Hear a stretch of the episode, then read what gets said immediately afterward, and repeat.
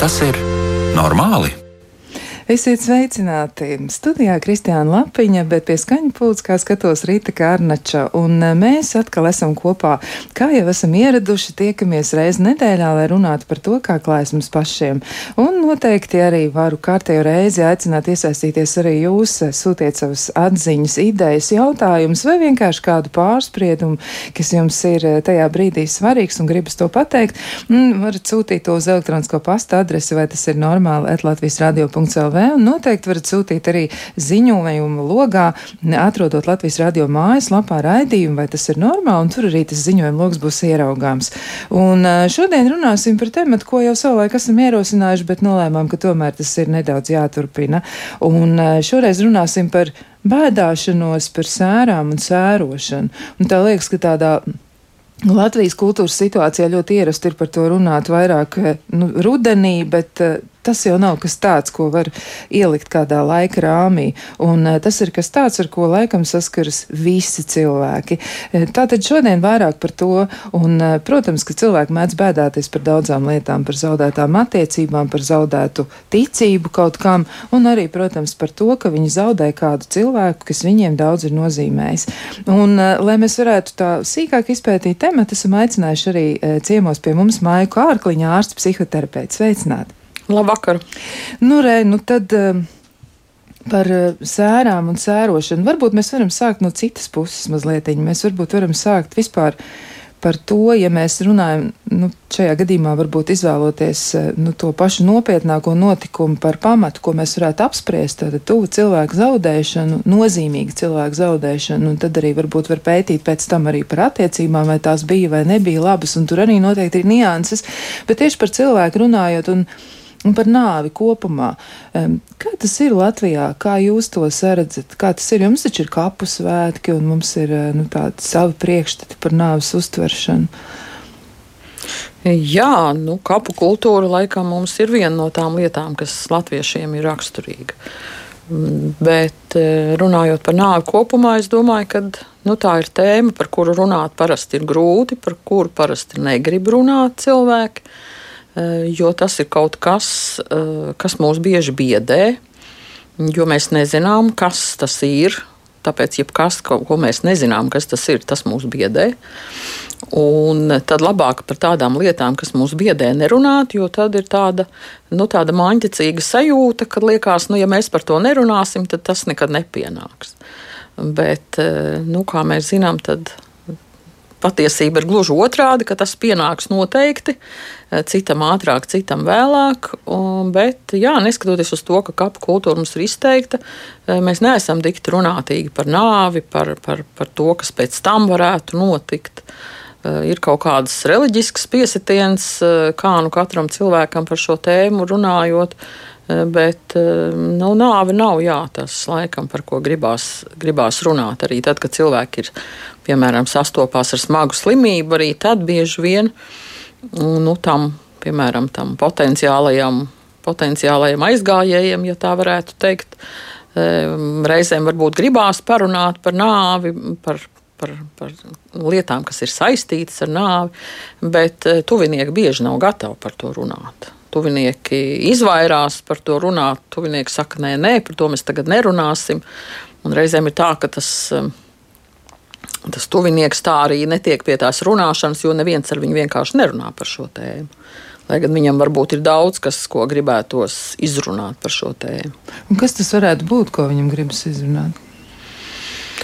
Kaut vai par to, ka viņam ir bailes, kas tas ir un kā tas būs. Uh, nu, bieži vien tās ir kaut kādas pavisam sadzīviskas lietas, ja, ehm, kādas kurpes un kādu kleitu vilkt, piemēram, ja, rīkot bērnu mīlestību vai nerīkot.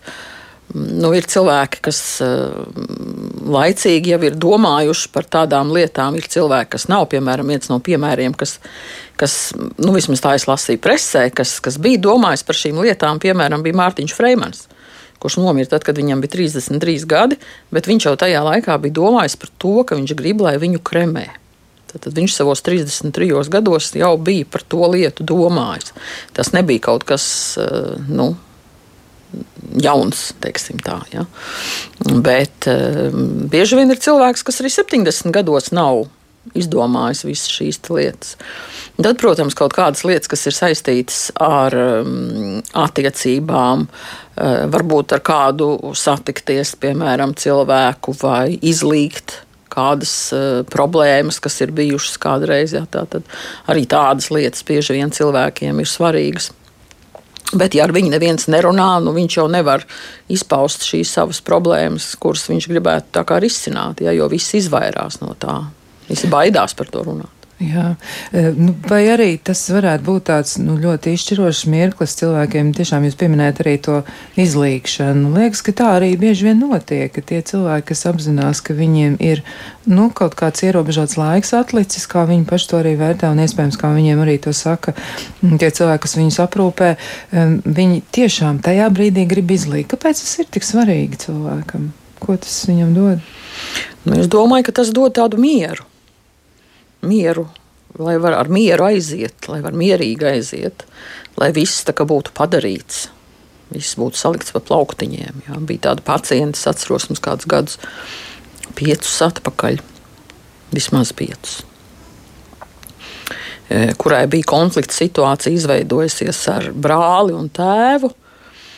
Un nu, kādus dažus mēnešus pirms aiziešanas, jā, viņa izlīga ar brāli un ar tēvu, neskatoties uz to, ka viņai, viņai kādreiz bija ļoti liels pārdarījums no viņiem uh, izdarīts. Mm, tad, uh, jā, viņa izlīga, un viņa bija ļoti apmierināta ar to, ka šis izlīgums bija noticis.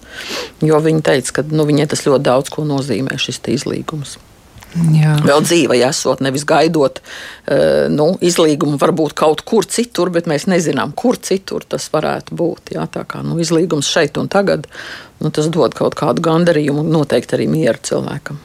Vai arī bailes varētu būt tāds uh, pamatojums tam, kāpēc cilvēki tik ļoti izvairās darīt kaut kādas lietas, jo, nu, juristi vispār uz to visu skatās citādi. Ja, viņi, viņi, nu, ja mēs viņus izmantojam kā, kā tāds profesionāls, kā piemērus, ja viņi saka, nu, tur jums gan vajag sarakstīt, nu, kas tad tur tāds padomājiet taču par to, kā jūs tur sadalīsiet savu mantu, ja, kā jūs tur savas pīlis novēlēsiet un ko jūs tur izdarīsiet.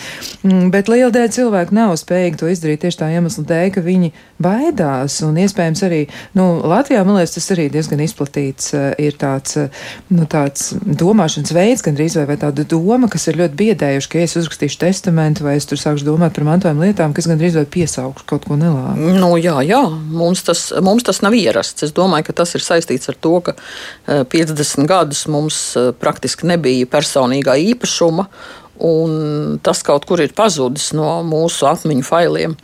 Jo ārzemēs, piemēram, nu, tas ir absolūti normāli, ka 18 gadu cilvēkam ir, viņš ir pilngadīgs un viņš jau var sākt rakstīt testamentu par to, kas viņam šobrīd pieder, piemēram. Ja?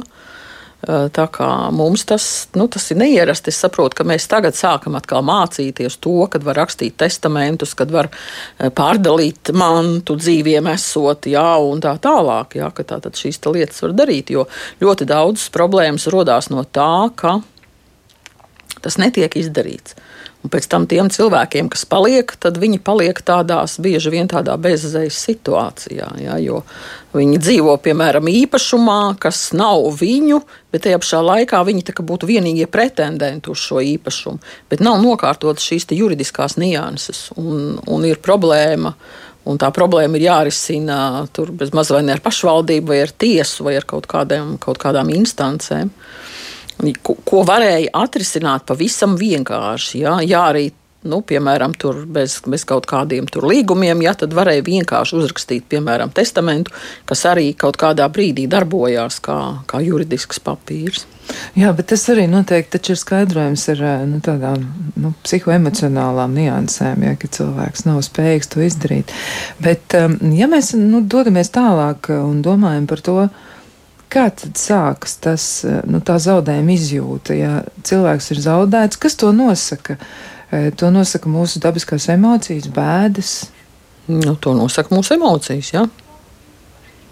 Tieši tā. Zaudējums ir tas, kas, nu, kas izraisa šīs emocijas. Vai varētu arī tā būt, ka e, dažos gadījumos tā, nu, tā kārtības izjaukšana ir tā, kas ierosina varbūt tādu, nu, tādu ļoti, ļoti spēcīgu reakciju, kas pēc tam varētu nu, vilkties diezgan ilgi, un mēs arī par to noteikti varam parunāt, cik. Vai, vai vispār ir iespējams kaut kādā veidā noteikt kaut kādu laiku? Noteikti, nē. Bet, uh, Vai tā varētu būt, ka tad, kad ir pārkāpta tāda, nu, es teiktu, pasaules kārtība, nu, kad nenotiek tā, kā tam būtu jānotiek, ka tas vispirms tad aizietu tie ļoti, ļoti, ļoti ilgi dzīvojušie cilvēki, un tad pēc tam tad viņu vecumu sasniegt nākamie, bet dzīve ir tāda, ka tas tā nenotiek, ka daudzos gadījumos tas ir citādi. Kas notiek tad, ja tā kārtība ir izmainīta, vai tas ietekmē sēru reakciju vispār? Nu, šeit eh, droši vien nāktos runāt par bērnu zaudējumu.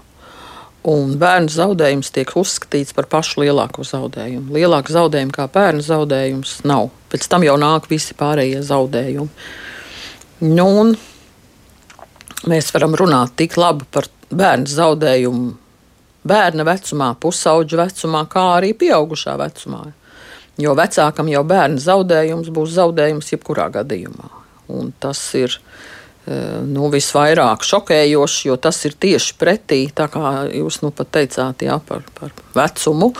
E, kad būtu loģiski, ja mirtu vispirms vecāki cilvēki, jā, bet, bet tā loģika bieži vien nes, nestrādā. Un tas, ka šis bērns e, aiziet, nu, tur bieži vien ir tieši tā problēma, jā, kad, kad ir šī te, nu, nepareizība savā ziņā, var teikt ka aiziet tas, kuram būtu vēl jādzīvo, varbūt gadi 80, bet viņš aiziet kaut kādā piecu gadu vecumā, piemēram, tas bērniņš. Ja? Tā kā es domāju, ka šī te uh, izjauktā lietu kārtība ir arī viena no tām, kas, kas nu, tik ļoti mūs uh, satrauc visā šajā situācijā.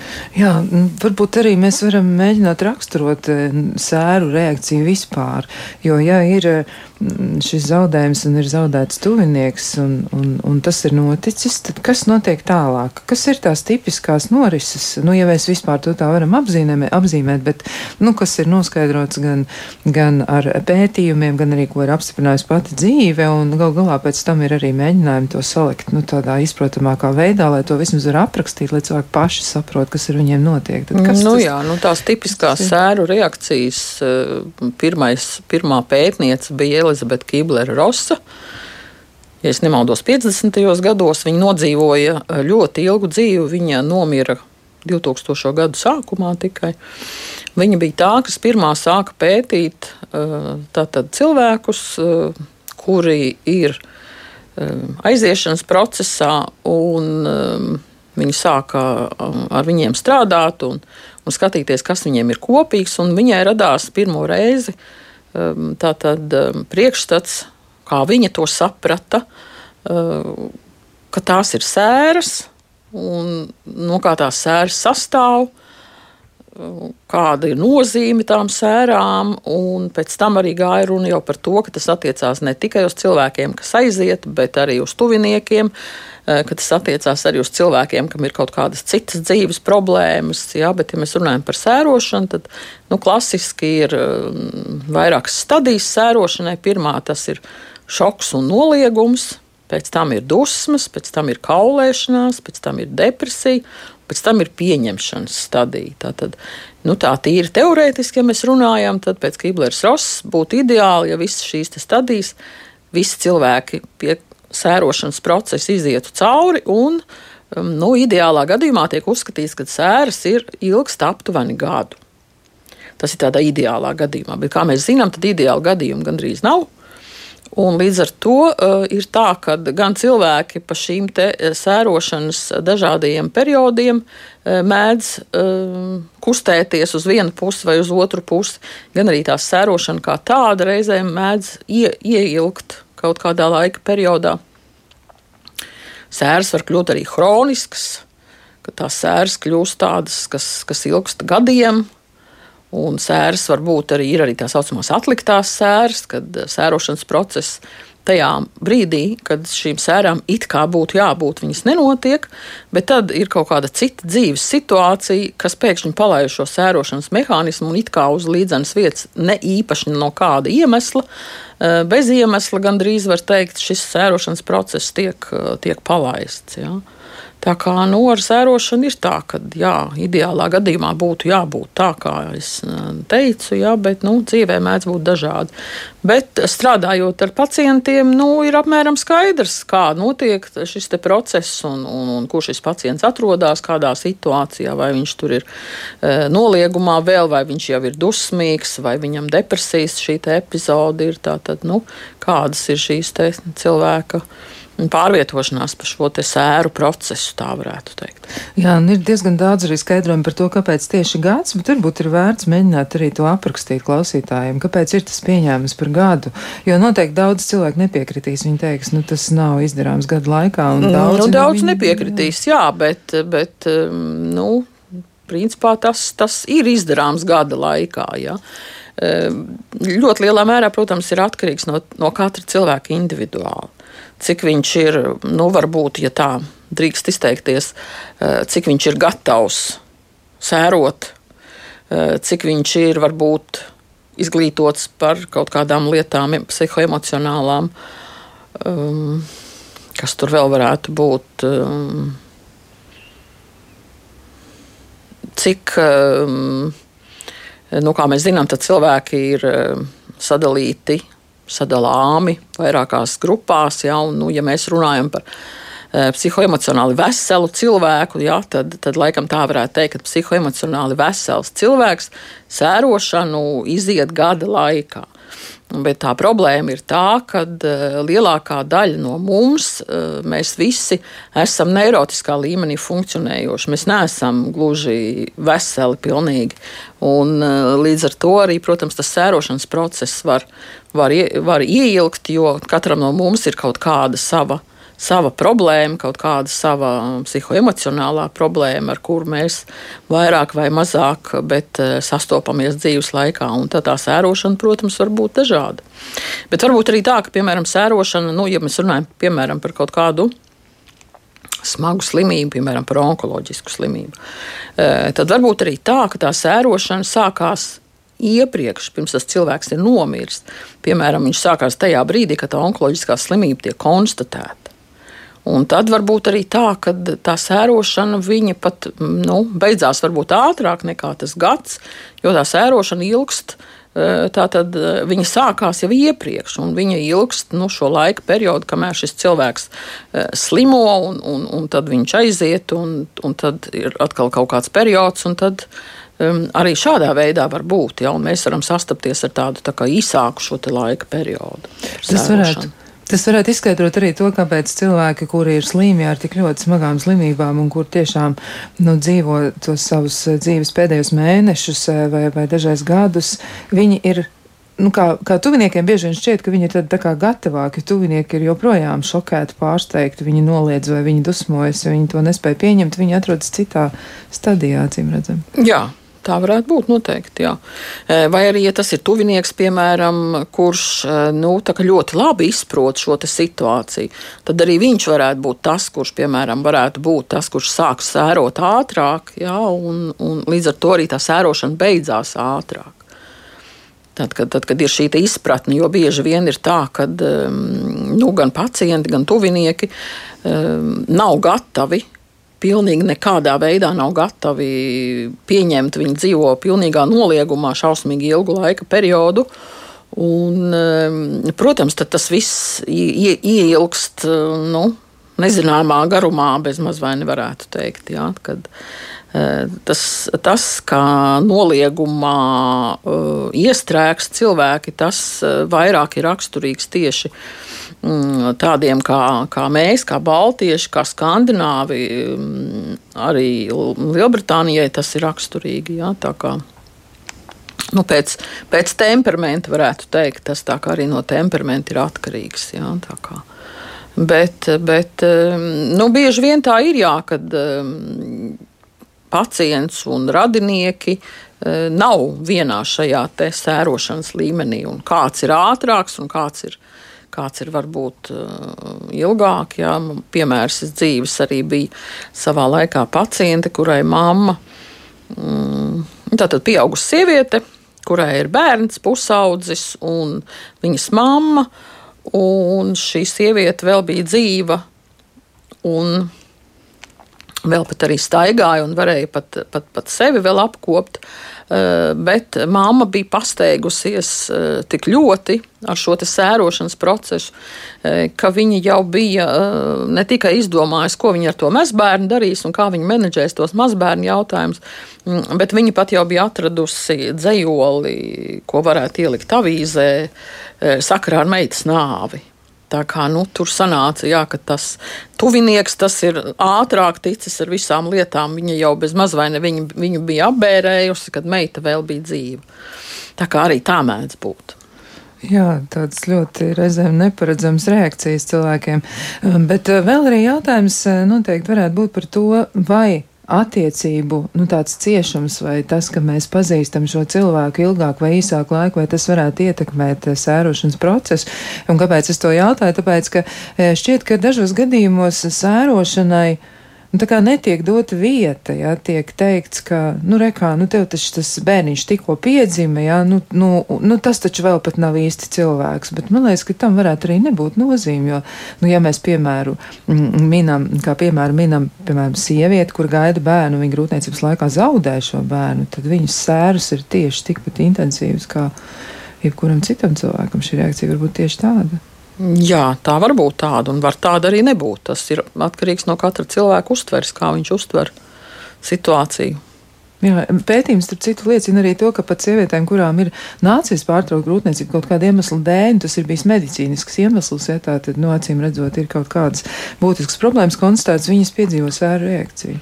Jā, jā, no viņas to uzskata kā bērnu zaudējumu, jo tas bērns acīm redzot ir Eh, ļoti gaidīts, vai ļoti ilgi gaidīts, vai ļoti grūti pie viņa tikt ir pie šī bērna. Jā, tā kā nu, arī, arī kaut kādas reliģiskas lietas noteikti spēlē savu lomu šajā situācijā. Tā kā katrs uzskata, ja, un izējot no tiem uzskatiem, tad, protams, ir arī šī reakcija. Ja, vai viņa būs vieglāka vai viņa būs smagāka šī reakcija. Kāda ir jūsu novērojuma? Vai tas, ka cilvēks tic kaut kam, nu, piemēram, nu, viņam ir ideja par to, ka ir kaut kas vēl pēc kaut kā, kā ir nu, ar šiem cilvēkiem? Vai viņiem ir vieglāk tikt ar to galā? Vai sēru reakcija atšķiras tiem cilvēkiem, kur tic, piemēram, aizkapa dzīvei vai, vai tic reinkarnācijai, lai ko tas nozīmētu, vai vēl kaut kam citam?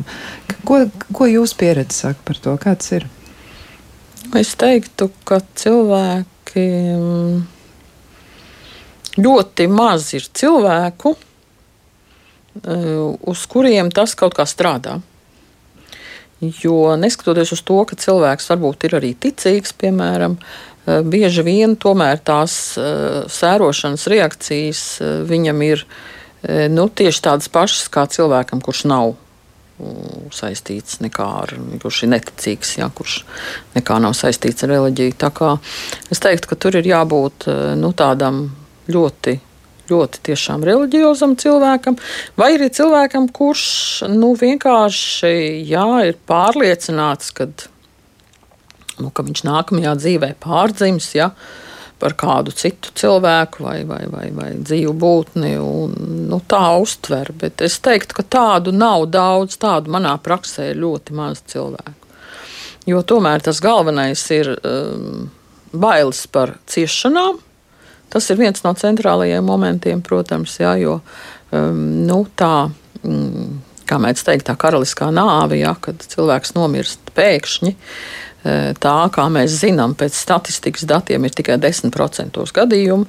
Eh, visos pārējos gadījumos tas tā nav. Tātad nu, lielākā daļa cilvēku tomēr nenomirst šādā veidā, kādā gribētu nomirt lielākā daļa cilvēku. Jo uh, pilnīgi loģiski, ka cilvēki baidās no ciešanām, baidās no sāpēm, no elpas trūkuma, no dažādām lietām. Un, uh, jā, līdz ar to, ja cilvēks uh, nu, ja viņam ir pārliecība, ka viņam būs piemēram šī palīdzība, un ka viņam nevajadzēs ciest. Eh, Tā ir viena situācija, bet, ja viņam nav tādas pārliecības, eh, tad, protams, tā ir cita situācija. Tad ir bailes, un tad ir eh, pārņem šausmas, un tad ir arī jautājums par eitanāziju paceļās, jā, un dažādi citādi jautājumi. Jā, es par šo tieši arī gribēju apvaicāties, kā tas ir, jo tuvinieki bieži vien um, viņi ir Viņi ir ļoti pārsteigti, un viņi arī ir tādi nu, šokēti noteikti par to, ka kāds no cilvēkiem, kurš ir sapratis, ka viņa dzīve te te beigsies, viņš izlēma to procesu pātrināt. Viņš izlēma, ka viņš pats izvēlēsies savu nāves brīdi, un pārējie e, nav gatavi tam. Nu, te atkal ir jautājums, jā, tā tad, nu, pirmkārt, pie mums eitanāzija neveic. Tad, tad, tad ir jābrauc eitanāzijas turismā, tā saucamajā, uz Eiropas valstīm, kur to veids. Par zināmu samaksu, protams, tā samaksa ir diezgan liela. Vismaz kādreiz tie bija 10,000 eiro. Es nezinu, cik tas tagad ir, bet kādus gadus, 5, 6 atpakaļ gāja runa par 10,000 eiro. Eh, protams, visas juridiskās lietas tur ir jāsakārto un tā tālāk. Mm, tā kā nu, tāda iespēja ir aizbraukt un to izdarīt, bet jautājums ir drīzāk par to, eh, kurā brīdī to darīt. Es domāju, ka tas ir arī tāds jautājums, jo uh, kamēr cilvēks vēl ir pie skaidras apziņas, uh, lielākoties diez vai viņš to gribēs darīt. Tad, kad cilvēks, piemēram, jau ir komā, tad viņš vairs nevar to izlemt. Tā, kā, tā arī tāda, nu, tāda savā ziņā tāda nevisai skaidra situācija sanāk, ja, kurā brīdī tad, tad ar to eitanāziju nodarboties. Jo arī uh, stacionārā, piemēram, stājoties, iestājoties stacionārā, bieži vien cilvēki uh, cieš no sāpēm, no dažādiem, uh, piemēram, sliktām dušām, elpas trūkumiem un tādām lietām. Uh, protams, ka tas stāvoklis ir smags, un, un reizēm ir tā, ka viņi saka, jā, ka nu, būtu labi, ja Latvijā būtu eitanāzija. Uh, bet tad, kad viņš tiek atsāpināts, tad, kad tie simptomi viņam tiek noņemti, tad viņš par to vairs nerunā. Jo tas viņam vairs neliekās aktuāli, tāpēc, ka viņš ir sācis labāk justies. Tāpēc es domāju, ka eh, nu, primāri būtu jārunā par, par hospisu attīstību Latvijā, jo hospis ir tas, kas nu, mums pietrūkst šobrīd, tāds kvalitatīvs, labs hospis. Mm, un paliatīvās aprūpes speciālistu skaita palielināšanu. Varbūt pat ne gultu palielināšanu, bet speciālistu palielināšanu.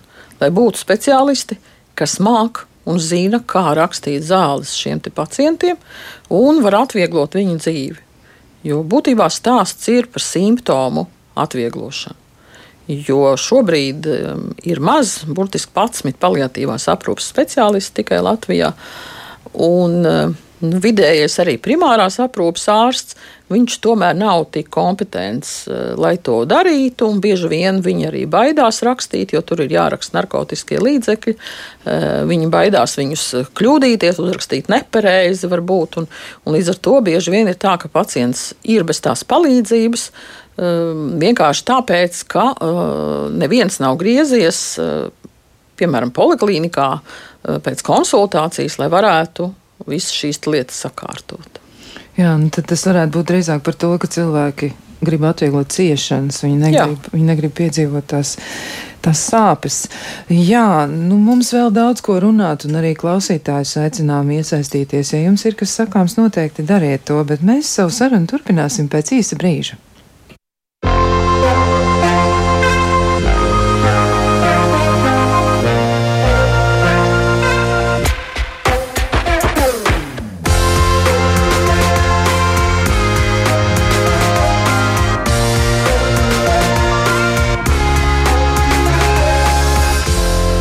Vai tas ir normāli?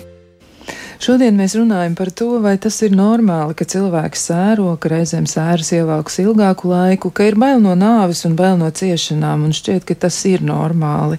Mēģināsim izpētīt šo tematu vairāk, un eh, noteikti tiešām varu arī atgādināt, kā jau parasti es to daru, ka varat rakstīt arī mums un varat izmantot eh, e-pasta adresi, vai tas ir normāli, Latvijas radio.lv, un noteikti varat arī darīt to caur ziņojumu logu Latvijas radio viens mājas lapā, ļoti vienkārši ierakstiet sūtiet savu ziņu, un mēs uzreiz arī to varam ieraudzīt.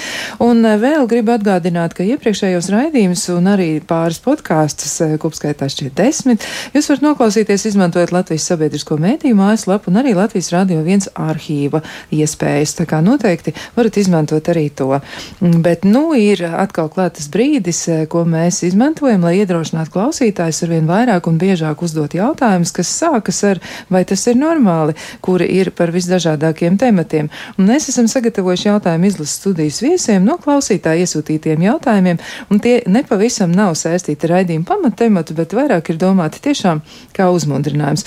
Un katrā raidījumā, mm, katrā raidījumā e, viesi izlozē pa jautājumam, un arī šovakar būs tieši tāpat. Un nu tad ir laiks jautājumam.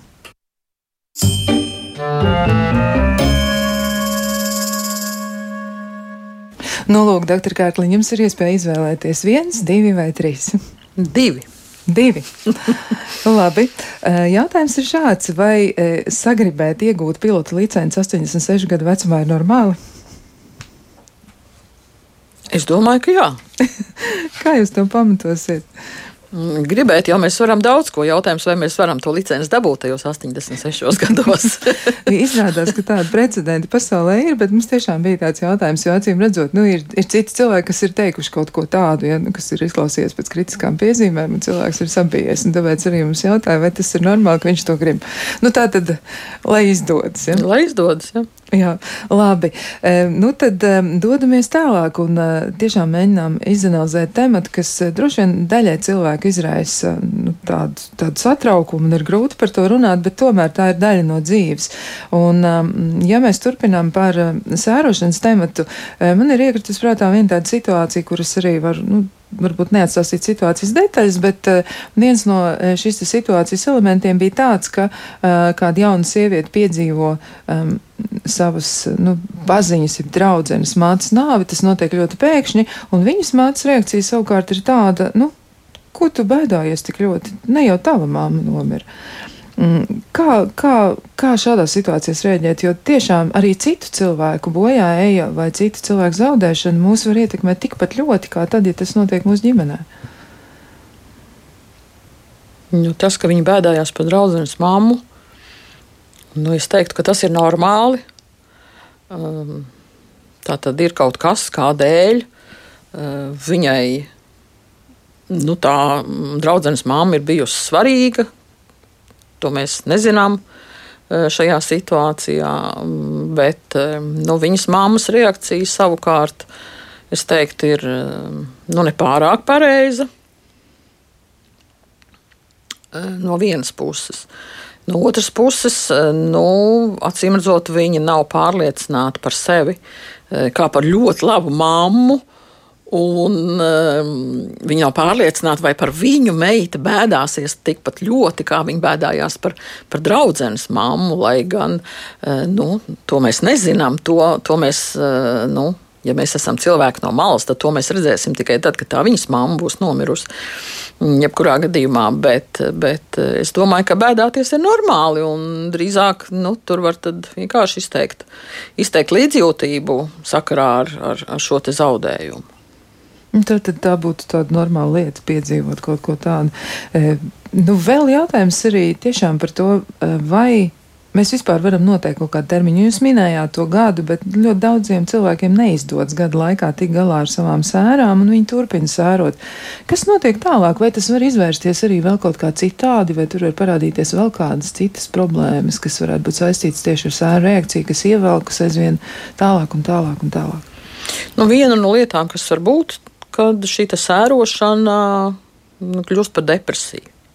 Parādās depresija ar visiem simptomiem depresijas, un, nu, ja tā ir jau kā tāda depresijas diagnoze, tad mēs jau nerunājam par sērošanu, mēs jau runājam par depresiju. Tad tā būs jau cits skatījums un, un, un cita arī reakcija.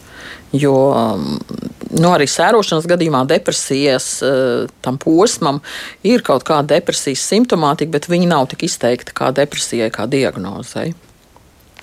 Tā kā jā, tas var ievilkties un, un tas var kļūt par, par slimību. Jā. Kā var atpazīt sēru reakciju cilvēks? Jo, nu, mums, protams, pirmā asociācija varētu būt nu, par to sākumu, domājot, ka tur varētu būt bēdas, ļoti spēcīgs skumjas, cilvēks raud.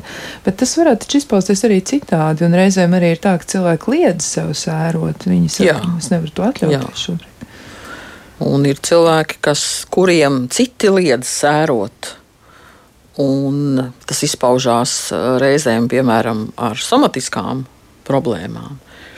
Mm, man bija savulaik eh, atnākuši eh, tēvs ar dēlu, un dēlam bija problēmas ar, ar ādu. Uz ādas bija tātad eh, izsitumi, un, un tie niezēja, un bija apiets nu, viss ārstu klāsts, kāds vispār ir iespējams.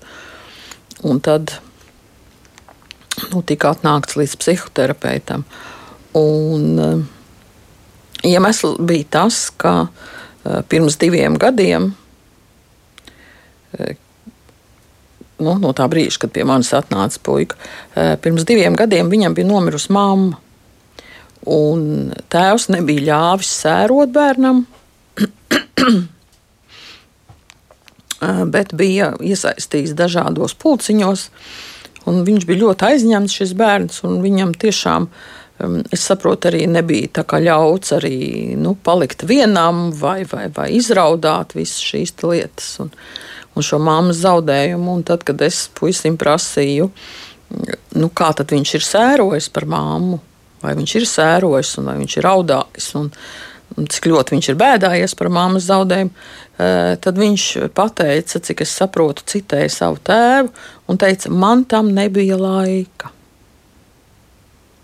Tā kā jā, organisms tā bija norēģējis, jo tā simptomātika bija parādījusies diezgan drīz pēc māmas zaudējuma. Jā, tā kā ķermenis eh, bieži vien e, dod šo simptomātiku, ja emocionāli e, mēs neizsērojam, mēs neizbēdājamies, ne, ne, neskumstam par, par šo zaudējumu, tad, tad ir kaut kāda somatiska reakcija. Tā.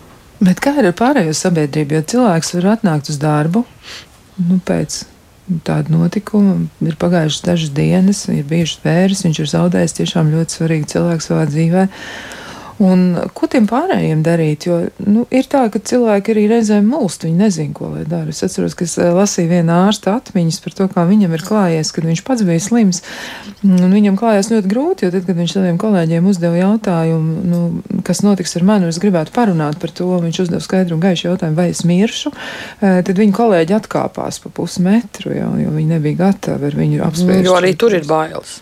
Arī tur ir bailes. Arī tur ir bailes, jo ārsti ir mācīti ārstēt ārstēt, un uh, ārstiem sastopoties ar nāvi, viņiem rodās sajūta, ka tā ir viņu neveiksme, uh, ka viņi tā tad nu, nav kaut ko līdz galam pareizi izdarījuši. Un, uh, Līdz ar to ārsti cenšas izvairīties no, no gan šādiem tematiem, gan, gan no arī dažādiem jautājumiem, kas ar to ir saistīti.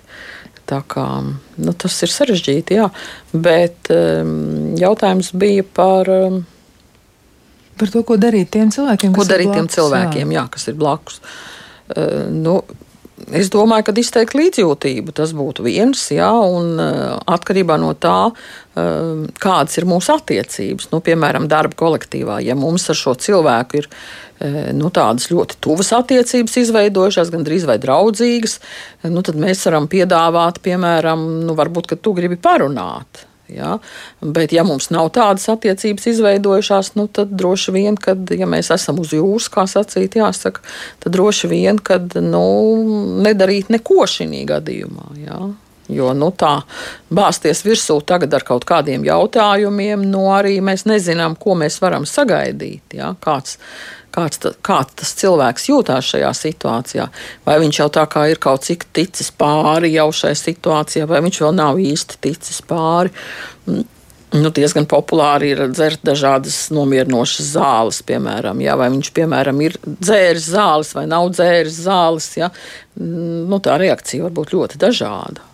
Mēs varam ieraudzīt to reakciju gan kaut kādas eh, histērijas veidā, gan eh, nu, arī varbūt kaut kādā dusmu reakcijā, piemēram, jā, kad eh, nu, Nu, piemēram, nu, ko jūs no manis gribat, jā, lieciet mani mierā, nu, kaut kādā tādā veidā. Jā.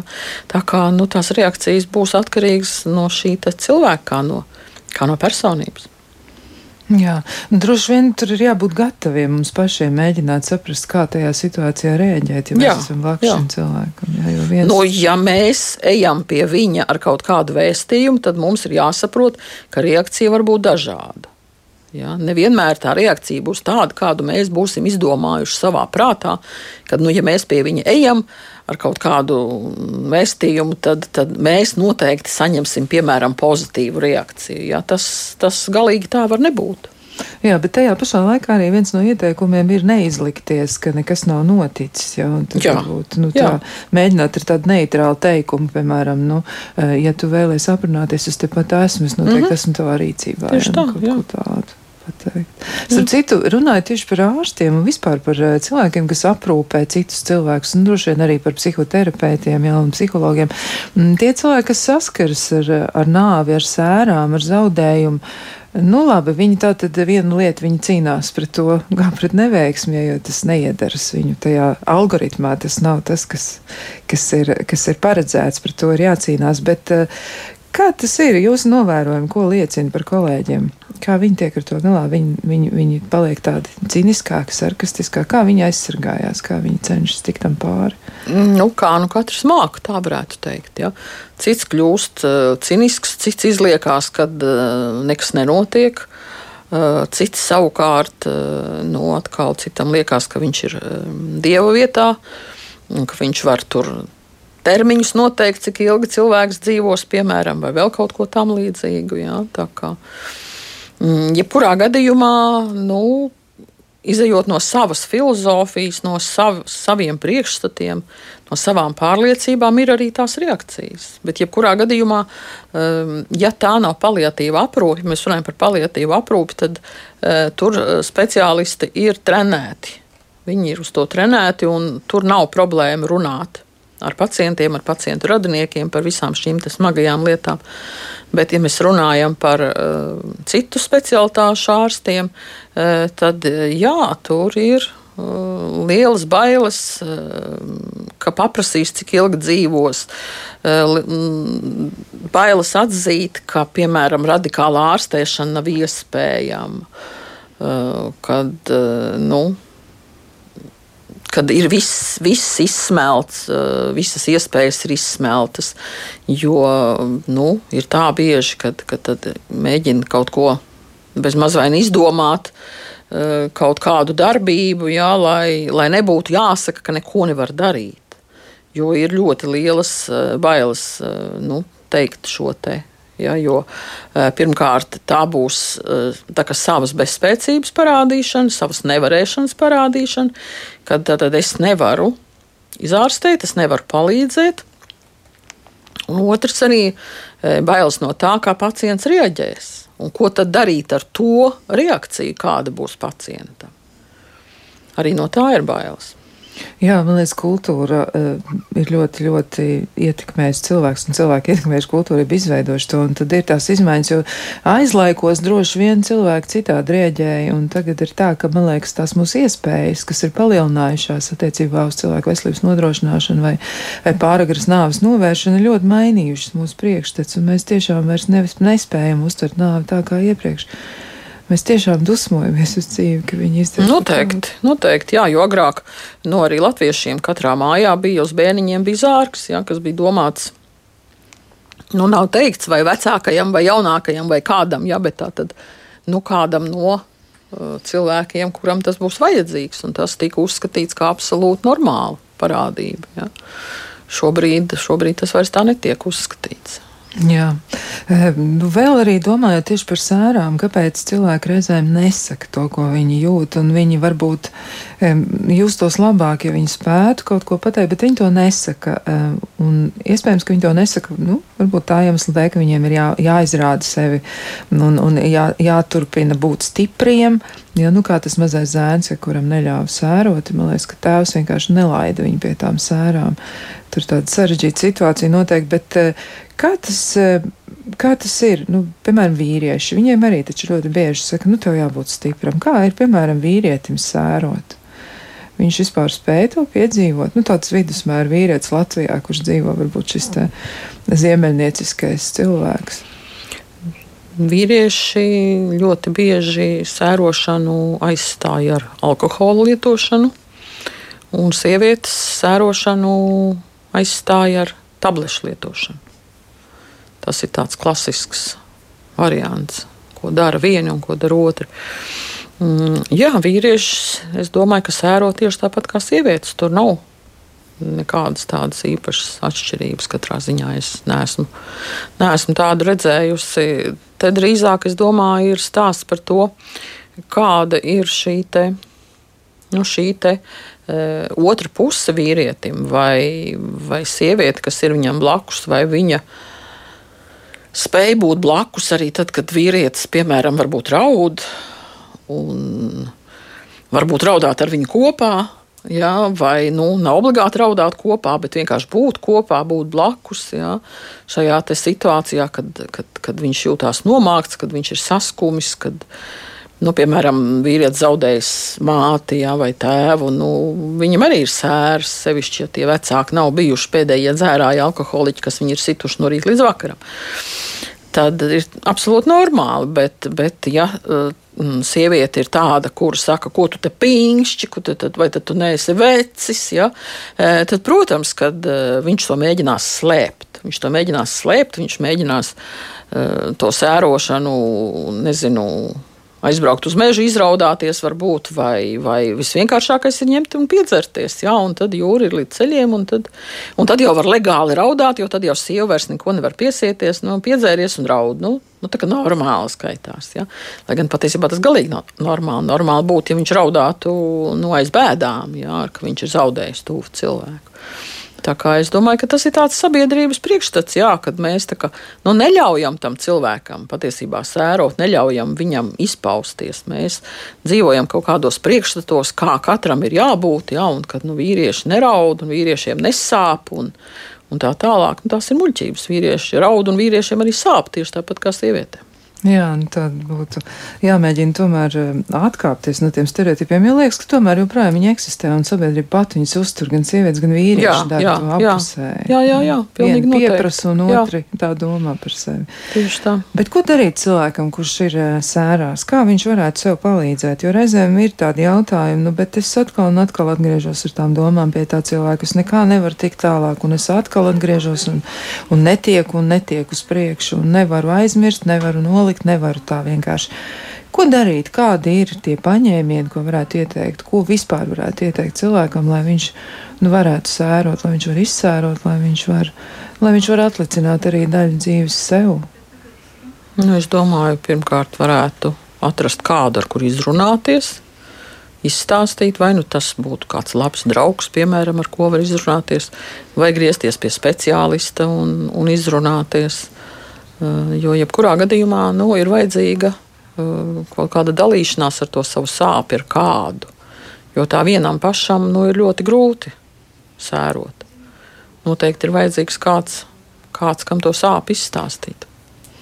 Jā, nu, vēl kādas pašpalīdzības grupas varbūt ir vai kaut kas tamlīdzīgs? Nu, es nezinu par tādām pašpalīdzības grupām. Man, man īsti tā kā nav. nav tā kā, par, tieši par, par sērojošiem cilvēkiem es neesmu dzirdējusi. Mums ir Mums ir dažādi pacientu pašpalīdzības grupas, mums ir anonīmi alkoholiķi joprojām, jā, bet, bet par šādām grupām es neesmu dzirdējis. Jā, nu tas varētu būt ļoti individuāls process, bet tajā pašā laikā varbūt ir iespējams arī kādu sameklēt, ar kuru parunāt. Ja nu negluži tur ir e, grupa, kas ir apsēdusies, lai parunātos par to, kā kurš ir ticis tam cauri, tad varbūt var individuāli meklēt.